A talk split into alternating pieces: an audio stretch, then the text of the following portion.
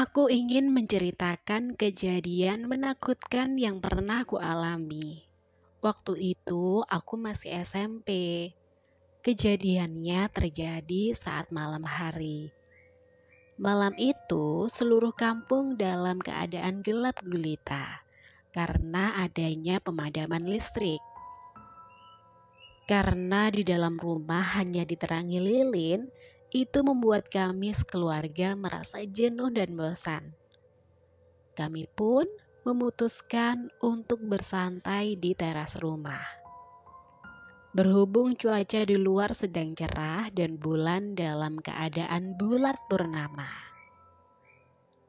Di depan teras rumah, orang tuaku hanya duduk-duduk santai sambil menikmati keadaan sekitar.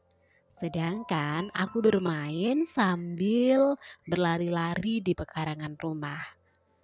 Saat sedang asyik berlarian ke sana kemari, aku melihat sebuah batang kayu yang menarik perhatianku.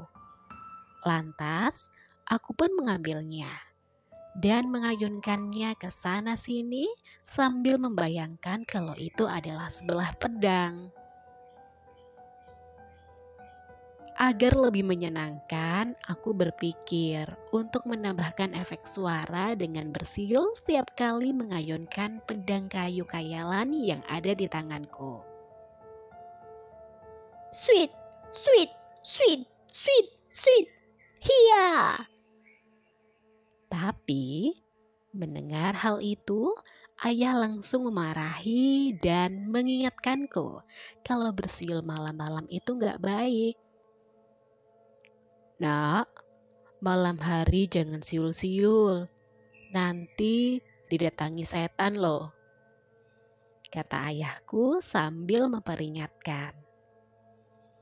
Tapi waktu itu aku sama sekali tidak menghiraukannya dan sangat pecicilan. Aku terus melakukan perbuatan yang dianggap sebagian oleh orang Indonesia itu adalah pamali. Sweet, sweet, sweet, sweet, sweet, sweet. Hiya.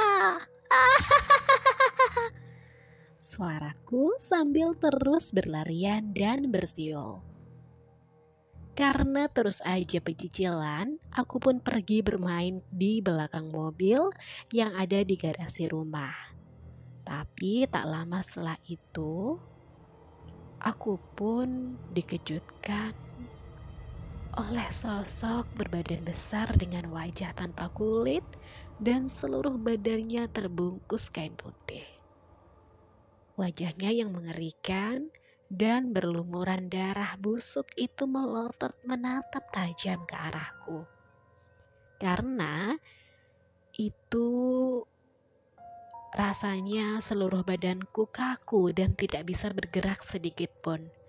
Bahkan aku sampai tidak bisa mengeluarkan suara untuk meminta tolong. Seluruh badanku dipenuhi perasaan ketakutan, ngeri dan merinding yang menusuk-nusuk dan rasanya sampai ke tulang. Seakan-akan memperingatkanku agar secepatnya pergi dari situ. Tapi apa daya, seluruh badanku kaku, tidak bisa digerakkan, walau seujung jari pun tak bisa.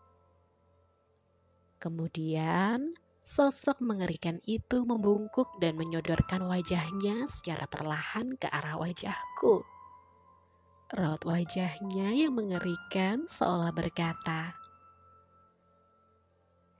"Kenapa kau melakukan hal seperti itu?" Saat wajah buruknya semakin mendekat, rasanya nafasku semakin berat dan terasa sesak. Keringat dingin mengucur deras di seluruh tubuhku. Wajahnya semakin mendekat ke arahku. Karena saking mengerikannya, aku pun langsung memejamkan dan menutup rapat kedua mataku dan segera membaca doa-doa apa pun yang terlintas di dalam benakku. Setelah berusaha membaca semua doa yang ku bisa, kemudian aku memberanikan diri untuk membuka kedua mataku dan melihat ternyata sosok mengerikan itu sudah hilang. Baru setelahnya, aku pun bisa menggerakkan seluruh badanku seperti sedia kala. Karena ketakutan seluruh badanku terasa lemas, sampai-sampai tidak kuat berdiri, dan akhirnya jatuh terduduk dan tertegun sementara waktu. Melihat hal itu, ibuku langsung khawatir dan segera menghampiriku yang terlihat seakan sudah melewati situasi antara hidup dan mati. Dek, kamu kenapa? Kamu gak apa-apa kan? Tanya ibuku dengan perasaan khawatir. Ma, tadi, tadi ada pocong, Ma. Jawabku dan mulai menangis ketakutan. Tadi ada pocong, Ma. Aku takut sekali. Aku takut, Ma. Tadi pocongnya seram sekali. Melihat hal itu, ayah langsung datang menghampiri. Ma, ada apa ini? Kenapa anak kita sampai menangis begini? Tanya ayahku. Ini ya, katanya si adik tadi lihat pocong di samping mobil. Kata ibuku sambil berusaha menerangkan apa yang sedang terjadi.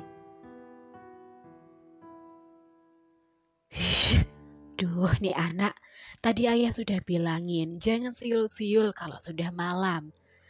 Ntar didatangi setan, karena siul itu sama aja kayak ngundang setan untuk datang. Kata bapakku sambil menggelengkan kepala. Tak lama setelahnya, akhirnya listrik menyala seperti sedia kala. Segera ayah dan ibuku segera membawaku masuk ke dalam rumah. Beberapa hari setelahnya, orang tuaku mengadakan doa keselamatan bersama di rumah, dan sejak saat itu pun aku tidak pernah melihat sosok mengerikan itu lagi.